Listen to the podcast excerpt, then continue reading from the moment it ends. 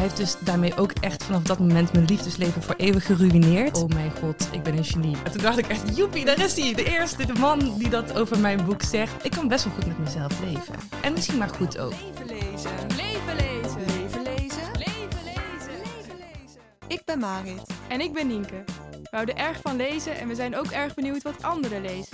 Daarom gaan wij iedere aflevering in gesprek met iemand over diens favoriete boek. Kunnen we door middel van de literatuur het leven van onze gast leren kennen? Kunnen we na het lezen van de boeken ook de gasten lezen? Nienke, ik heb een vraag. Wat lezen we vandaag? Dat moet je vragen aan onze gast. Wat koos die uit de boekenkast? Jean-Paul Sartre of Saskia Noord? Of hebben we er nog nooit van gehoord? Leven lezen. Leven lezen.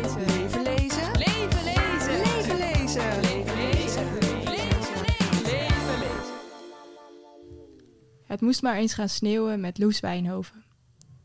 Liefste, op deze dag, zo grijs als haring, schrijf ik je een brief waarin het waait en meeuwen door de wind gedragen cirkels maken in de haven. Touwen, ijzer, hout en letters blauw en wit en netten, tonnen, plastic zakjes, palen, containers, apparaten waar ik niks van snap, masten, vlaggen, ramen, schepen, overal vandaan, overal geweest en ik hoef nergens om te vragen. Alles is hier al. En jij kent de zee. Jij vaart op haar, jij vecht met haar om wat zij missen kan. Elk schip dat hier nu ligt, wordt een schip waar jij op was. Elke meeuw die hier nu vliegt, een meeuw die jij ook zag.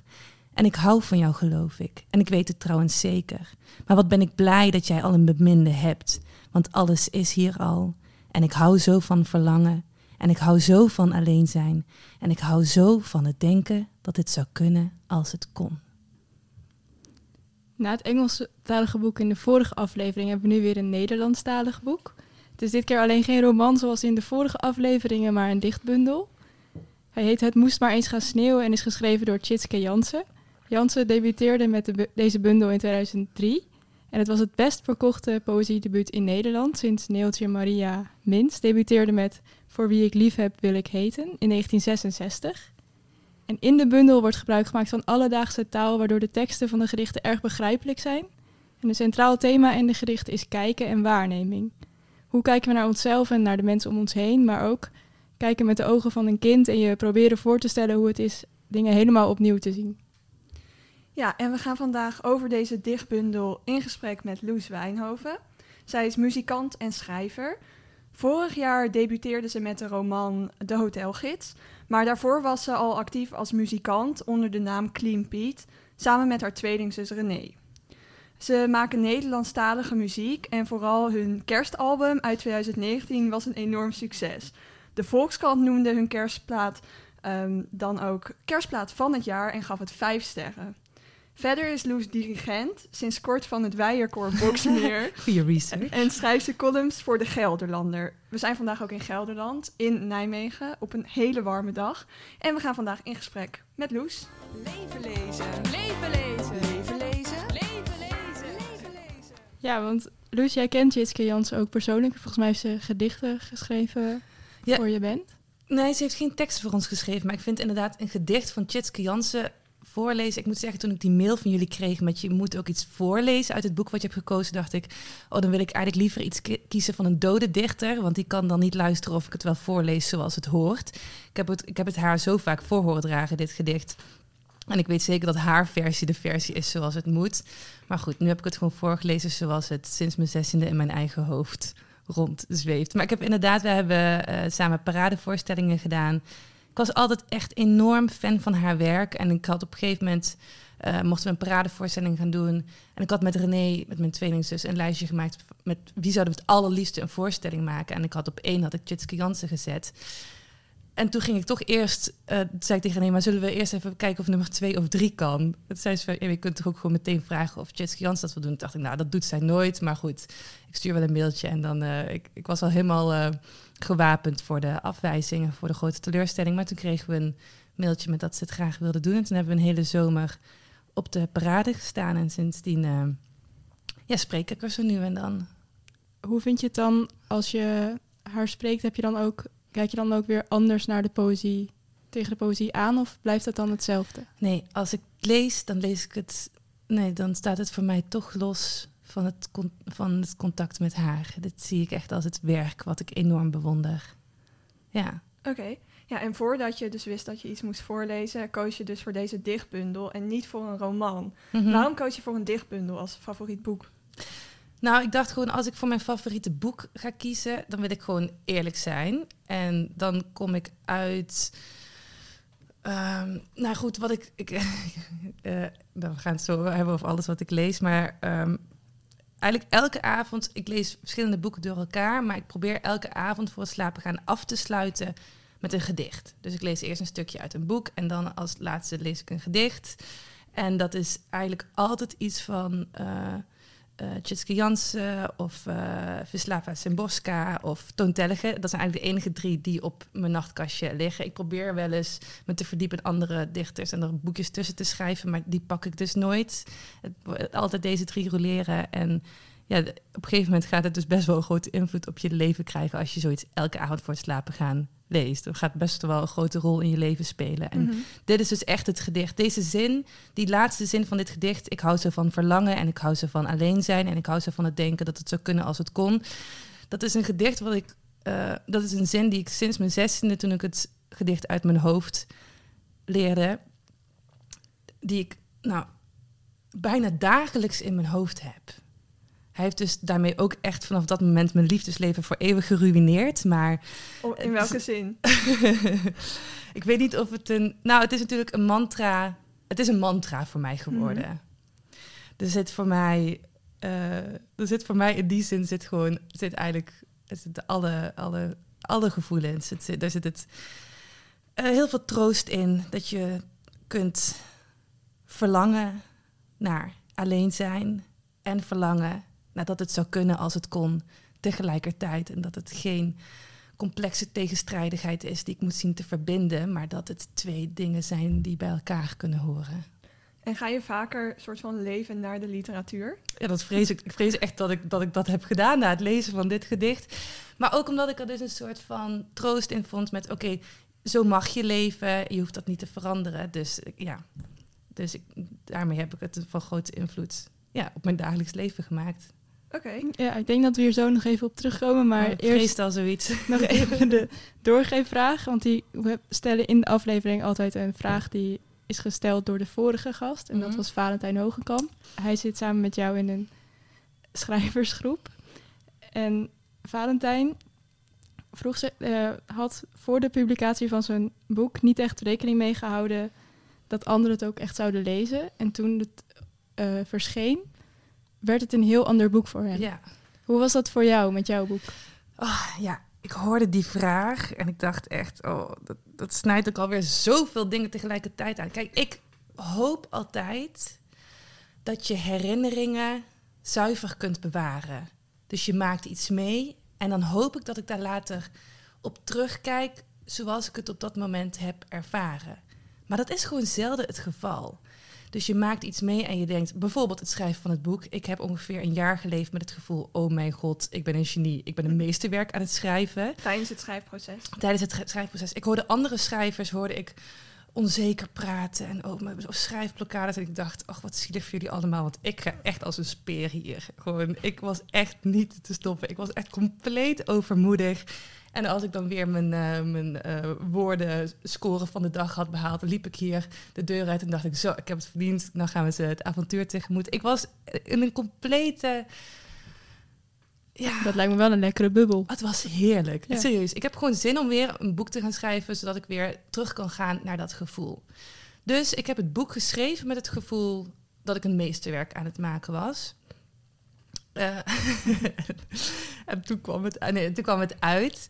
En ik heb echt wel veel leuke reacties gekregen. Ik was er wel voorbereid. Ik wist, ik had ook wel zin om iets te maken wat niet per se iedereen. Tijdens het schrijven voelde ik al af en toe voelde ik mezelf kniffelen van oké, die en die persoon gaat dit echt heel irritant vinden om te lezen. Dit gaat, dit gaat echt wel wat kritiek veroorzaken. De mensen, niet iedereen gaat dit snappen. En zelfs daar genoot ik van. Van maar ik snap wel wat ik aan het doen ben. Maar ik weet nu ook alvast dat sommige mensen het niet gaan En begrijpen. wat voor soort mensen om je heen? Of Ja, dan al bij de aankondiging van mijn boek eh, reageerde een, eh, een oude witte man: Dit is geen literatuur. En toen dacht ik echt: Joepie, daar is hij. De eerste, de man die dat over mijn boek zegt, omdat het over een vrouw gaat die losbandig leeft. En eh, ja, nou goed, ik verheugde me bijna gewoon op die reacties, omdat ik ze van tevoren had ingecalculeerd.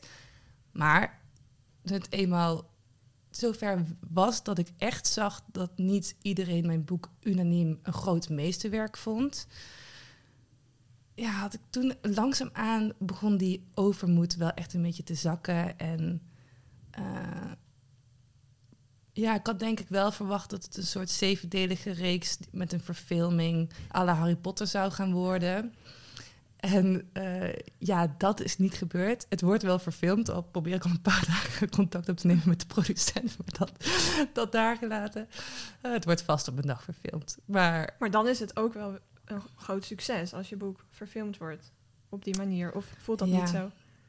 nou, of het als een groot succes voelt, daarvoor moet ik nog even de, de tijdslopen doorlopen. Want toen heb ik echt wel een week op die bank daar eh, met een dekentje over me heen gelegen met... ik heb gefaald, niemand snapt me, niemand gaat het begrijpen.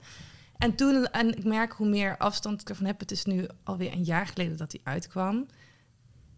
Ik merk nu hoe meer tijd er overheen gaat, hoe meer ik weer eh, het gevoel ja, hoe, hoeveel waarde ik hecht aan het gevoel wat ik een jaar lang heb gehad. Dus ik ben dus de, tijdens het schrijven voelde ik me echt waanzinnig. Eh, toen het uitkwam voelde ik me compleet verloren. En nu ben ik er door een soort heel rouwproces heen gegaan. Dat ik nu voel van nu toch weer terug kan zien voor wat het op dat moment voor mij was. En ik had dat absoluut niet willen missen. Eh, nu voelt het voor mij als een groot succes, maar meer als iets van een persoonlijk succes. Ik wilde iets doen en ik heb het gedaan, ongeremd. Mhm. Dat is het succes. Maar ik vind het meetbare succes.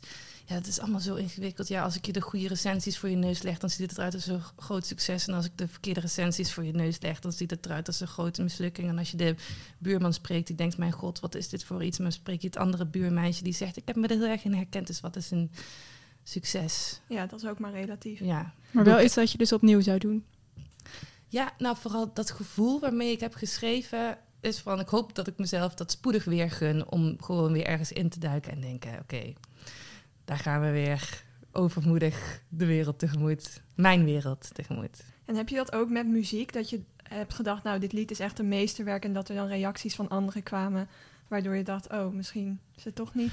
Nee, meestal heb- kan ik het wel goed inschatten, want ik heb het maar één keer gedacht en dat was bij die kerstplaat. ja, en daar was ook iedereen. Dus ik, maar door, ik denk serieus door die kerstplaat... ehm, kijk, ik heb genoeg dingen gemaakt waar mensen niet enthousiast op hebben gereageerd. Maar ik heb dus die kerstplaat, tijdens het maken voelde ik echt... Oké, dit is echt iets heel bijzonders. En dat was echt zo twee jaar voor het schrijven van het boek gebeurd. Dus ik dacht inmiddels van, oké, ik kan inmiddels wel inschatten wanneer iets... Als ik er zelf wel enthousiast over ben, dan, dan weet ik zeker dat de rest van de wereld er ook lijnt enthousiast over is.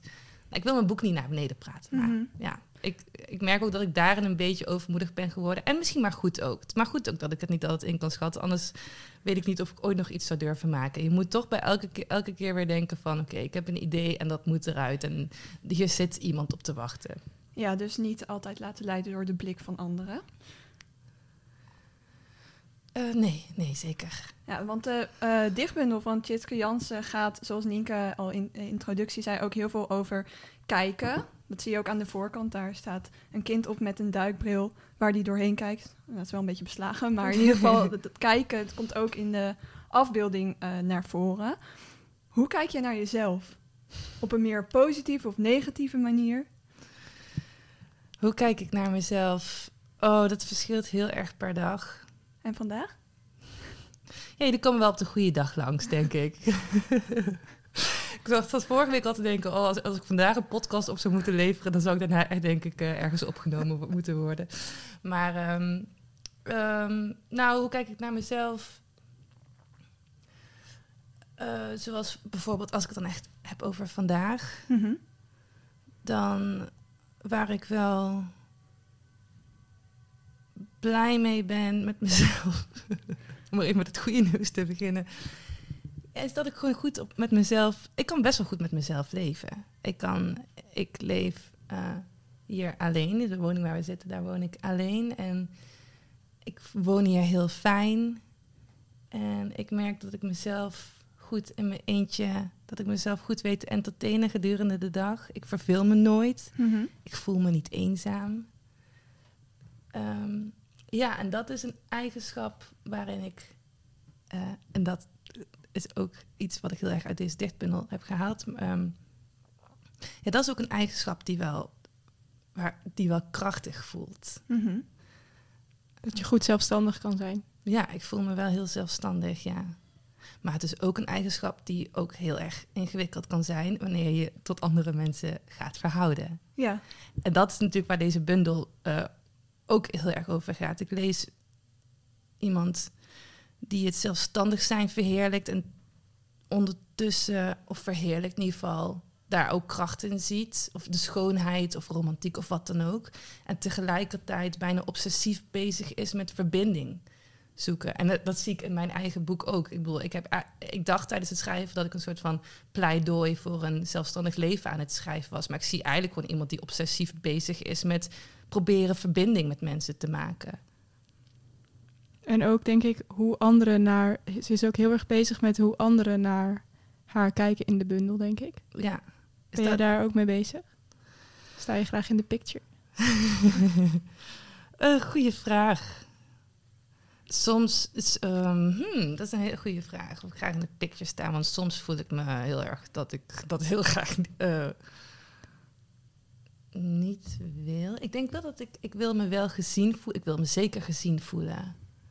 Maar eh, ik heb bijvoorbeeld, als ik denk aan in de picture staan, er is geen haar op mijn hoofd die eraan denkt om allemaal reality shows of zo mee te gaan doen. Dus als, als in de picture staat, synoniem staat voor dat soort, of heel veel op tv komen, dat heb ik niet. Ik hoef niet voor het minste of geringste of voor het ditje of een datje aan te schuiven bij een of andere talkshow. Daar heb ik helemaal geen behoefte aan. Maar ik denk wel dat ik, eh, ja, in, eh, in dit contact met anderen wel de behoefte heb eh, om gezien te worden en de frustratie voel als ik het gevoel heb dat die ander mij niet ziet. Maar dat is dan niet in je artiest zijn. Dat is gewoon in je persoonlijke leven. Ja, nou kijk, je- beweer maar eens als je op een podium staat dat je niet gezien wil worden. Ik Ja. bedoel, iedereen die op een podium staat wil in zekere zin graag gezien worden, maar zal in zekere zin daar ook een gevecht mee hebben. Zo van, waarom moet ik daar... Wat, eh, ja, wie ben ik om daar te gaan staan en te denken... oké, ik, ga jullie, ik ga jullie iets vertellen wat de moeite waard is. Ehm, ja, maar uiteraard zit dat in mij, anders stond ik daar niet. Maar ik vind het ook... Ja, ik vind het niet altijd een eh, hele elegante eigenschap. Is dat gevecht vaak aanwezig in je hoofd? Nou, dus op het moment dat ik iets maak, niet. Want dan denk ik echt, ik heb iets, zoals bij het schrijven van het boek, dan denk ik echt, oké, ik heb echt een heel belangrijke boodschap te vertellen. Op het moment dat ik liedjes schrijf, voel ik dat ik echt iets aan het maken moet, wat eruit, eh, aan het maken ben wat eruit moet. Als ik column schrijf, voel ik dat heel sterk. En als ik op het podium sta, als ik een goede show geef, dan geloof ik daar ook in. En op dagen zoals vorige week, als ik dan op het podium gaan staan, voel ik heel erg van, wat, wat, wie denk ik wel niet dat ik ben, wat is de zin hiervan. Maar ik denk wel, het is op het moment dat ik een goed optreden geef, of bijvoorbeeld tijdens de kerstshows, dan voel ik echt, ik heb, ik heb iets te bieden en dat ga ik deze mensen brengen. Maar daar zit ook soms weer dat overmoedige eh, gevoel in, waarvan ik zeker soms echt wel in, eh, mee in gevecht lig. Mhm. En over pictures gesproken. Oh. Vanaf pagina 19 Ja? eh, zijn er drie pagina's met beschrijvingen van jeugdfoto's. En ze beschrijft op de foto, wat ze op de foto ziet en wat het onderschrift is. En heb jij ook specifieke beelden die uit je jeugd komen in je hoofd? Dat, je die, dat die in het dagelijks leven voorbij komen? Als die er niet zijn, is dat ook een antwoord hoor. Nou, ik denk dat dat wel. Ik heb één keer een workshop weekend van Tjitske Jansen gevolgd. En het was een workshop autobiografisch schrijven. En daar Ja. kregen we telkens een opdracht om iets uit onze jeugd op te schrijven. En dat ging ik dus doen. En net zoals alle andere aanwezigen. En ik had eh, een aantal verhalen opgeschreven. En ik merkte gewoon dat ik al heel snel wat fictie erin ging gooien. En ik merkte, iedereen was super autobiografisch aan het schrijven. En ik voelde al heel snel van, nee, maar zo werk ik niet. Ik, het, ik ben niet precies aan het opschrijven zoals ik ben niet het aan het observeren. Ik denk niet dat ik zo die plaatjes in mijn hoofd heb zoals zij die heeft van hoe rook het, hoe. Nee, ik heb een soort van beginpunt en dan neem ik een afslag. Uh, ik, ja, ik hou ook gewoon heel erg van fantaseren. Het is moeilijk dan, je moet opletten om je herinneringen niet te besmeuren, wat ik denk ik soms wel doe. Uh, ik, ik denk dat Jitske Jansen een waarachtiger geheugen heeft dan ik. Ja, want je zei eerder ook al dat je heel graag wel wil uh, dat je iets herinnert zoals het is gebeurd. Dus is dat dan niet uh, een beetje tegenovergestelde van nee, dat je er fictie van maakt? Nou ja, ik weet dus dat het gevaar op de loer ligt, dat het verandert. En dat mhm. wil ik heel graag niet. Ik wil dat zo graag, omdat ik weet dat, dat het een, een gevaar is om het, om het wel te doen. Maar ik vind het soms zo... En waarin ligt het gevaar dan? Ja, wat is daar zo erg aan? Soms als je bijvoorbeeld, je bent met iemand en je denkt, wat heerlijk, dit moment ga ik nooit meer vergeten. Nou, dat heb ik denk ik wel zo'n 15 keer of 20 keer in mijn leven gezegd. En ik kan me niet, geen enkel van dat moment kan ik me nu voor de geest halen. Dat, dat vind ik heel zonde. En uh, het is of bijvoorbeeld om op iets anders terug te gaan kijken. Bijvoorbeeld, of je hebt een, uh, een vriendschap of een relatie en het is een hele leuke tijd geweest en er gebeurt aan het einde iets. En je gaat al die herinneringen daarvoor, die veranderen daarmee. Je gaat het hele verhaal veranderen dat vind ik zo zonde. Ik zou zo graag alle herinneringen gewoon zuiver bewaren en alles gewoon zien voor wat het is en niet. Ben je dan ook een dagboekschrijver?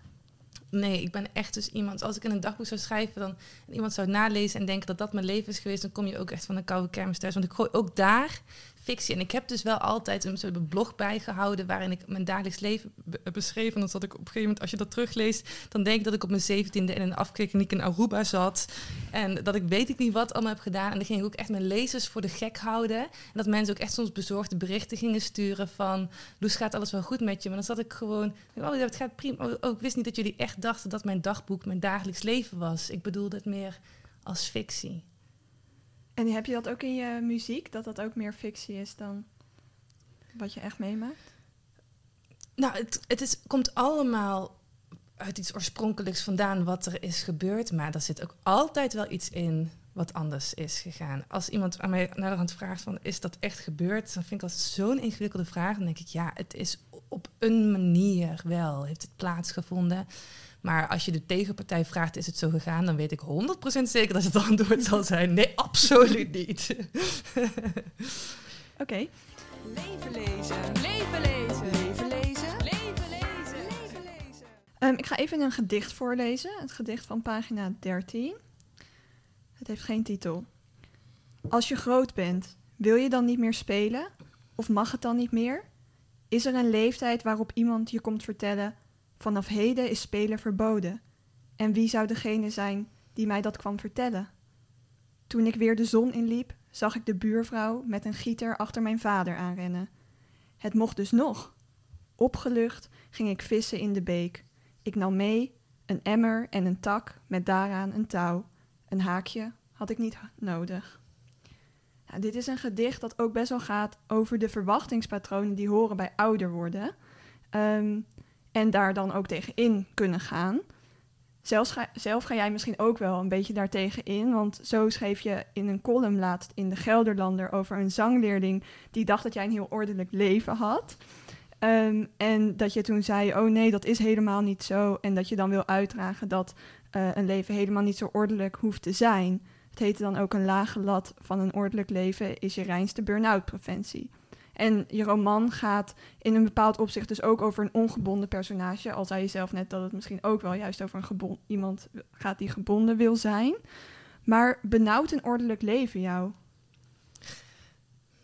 Nou, als je zegt dat het personage ook gebonden is, wil ik meteen roepen: nee, nee, hmm. nee. Ze is absoluut niet. Ze is ongebonden. Ze is uh, vrij. Dus dan denk ik: ja, dat benauwt me absoluut.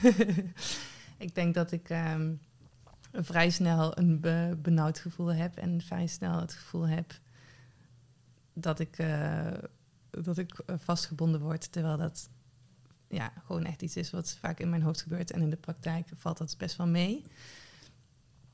Maar het is niet iets, kijk, het is niet alsof ik principieel tegen vaste relaties of koophuizen of 9 tot 5 banen eh, ben. Ik ben daar niet principieel op tegen.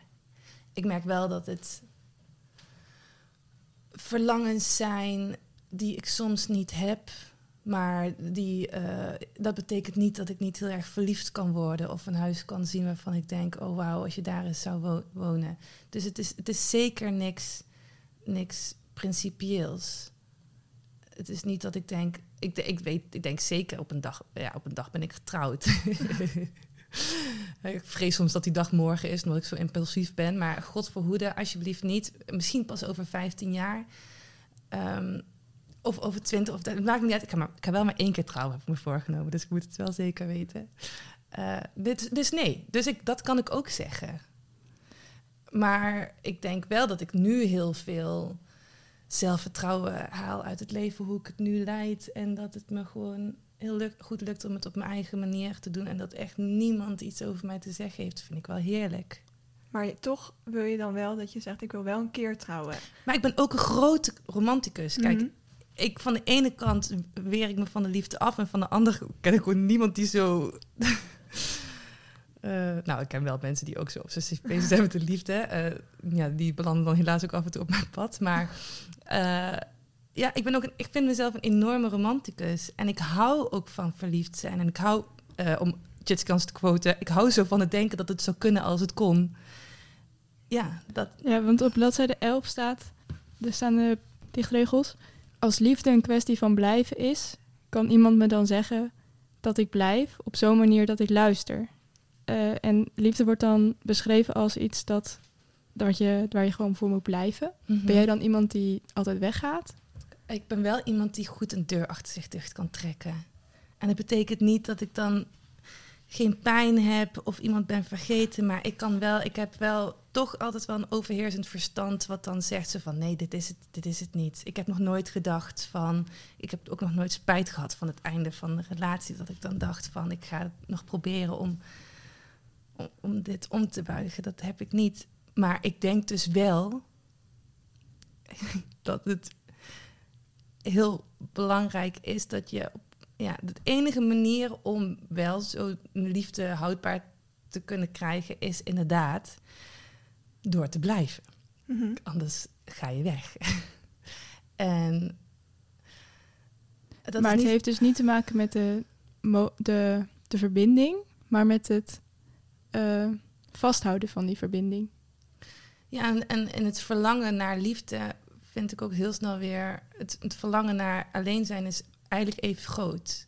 Dus ik voel soms alsof ik in een cirkel zit wanneer ik alleen ben. Dan ga ik op een gegeven moment verlangen naar die liefde. En in die liefde op een gegeven moment zie ik alles wat ik niet meer heb ten opzichte van toen ik alleen was. Dus het is een cirkel wat die gewoon rond blijft eh, draaien. Maar ik vind deze zin die jij nu pakt als liefde een kwestie van blijven is, die zit ook heel vaak in mijn hoofd. Ik geloof daar da- namelijk wel in. Mhm. Dat er op een gegeven moment moet er een constructie zijn of moet de, de bereidheid van twee personen zijn, die twee personen die altijd tegen elkaar zeggen: ik ben bereid om, om te blijven en die deur niet dicht te doen. En ik denk dat, dat er een situatie moet bestaan. En ik geloof ook dat ik daar op een dag in zal belanden dat, dat het die constructie is waarvan je alle twee voelt: oké, ik ben bereid om te blijven.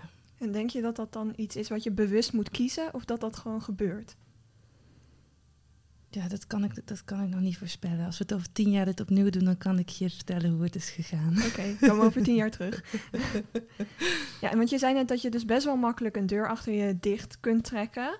Ehm, er is ook een gedicht, De Idioot op het dak. En dat gaat over liefdesverdriet. Waarin dan ehm, iemand hele absurde dingen gaat doen. En die gaat op een eh, dak klimmen en gaat inbreken. Eh, heb jij wel eens liefdesverdriet of eigenlijk dan nooit? Ik kan zeker wel verdrietig zijn en teleurgesteld als het niet is gegaan zoals ik in eerste instantie eh, hoopte. Kijk, als ik verliefd ben, denk ik echt niet. Als ik verliefd ben, dan hoop ik dat dat deurmoment niet gaat ko- komen. Dat is Mhm. natuurlijk de hoop waarmee je dan, waarmee ik in elk geval echt wel begin. Ik ga er niet als een saboteur in. Dat je de deur al ziet voordat je. Ja, nou, zo heb, ben ik ook wel eens begonnen. Want dan weet je zeker, dan, is het, dan zie je het ravijn al in zicht. Maar ik heb ook wel eens een ravijn niet in zicht gehad hoor. En dan komt het zeker verliefdverdriet of, of echt wel een teleurstelling. En het is soms ingewikkeld dan om, om te zien... oké, is het teleurstelling? Heb ik gewoon mijn eigen fantasie op die andere geprojecteerd? Ben ik verliefd geweest op mijn eigen fantasie? Heb ik steken laten vallen? Heeft die ander steken laten vallen? En dat is een heel verwarrend denkproces. En volgens mij is dat een soort van liefdesverdriet. Heb je ook wel iets, iets heel extreems of raars gedaan uit liefdesverdriet? Zoals dit personage ook op een dak gaat klimmen?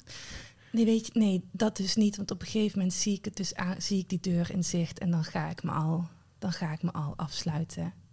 Dus ik heb altijd wel, ik ben altijd, ik zie het, ik zie het op me afkomen en dan weet ik, oké, die klink ligt al bijna in mijn hand. Ik stapje voor stapje loop ik naar de deur.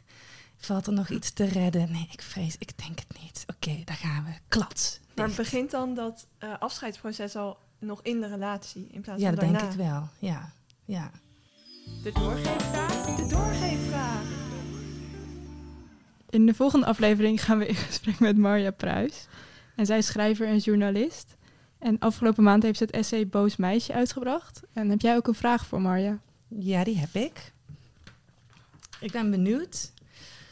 Welk boek maakte jou tijdens het lezen ervan boos? Een hele uh, goede vraag die ook past bij dat ze net dat boek heeft uitgebracht. We zullen het doorgeven. Heel erg bedankt voor het gesprek op deze warme zomerdag. Jullie ook heel erg bedankt.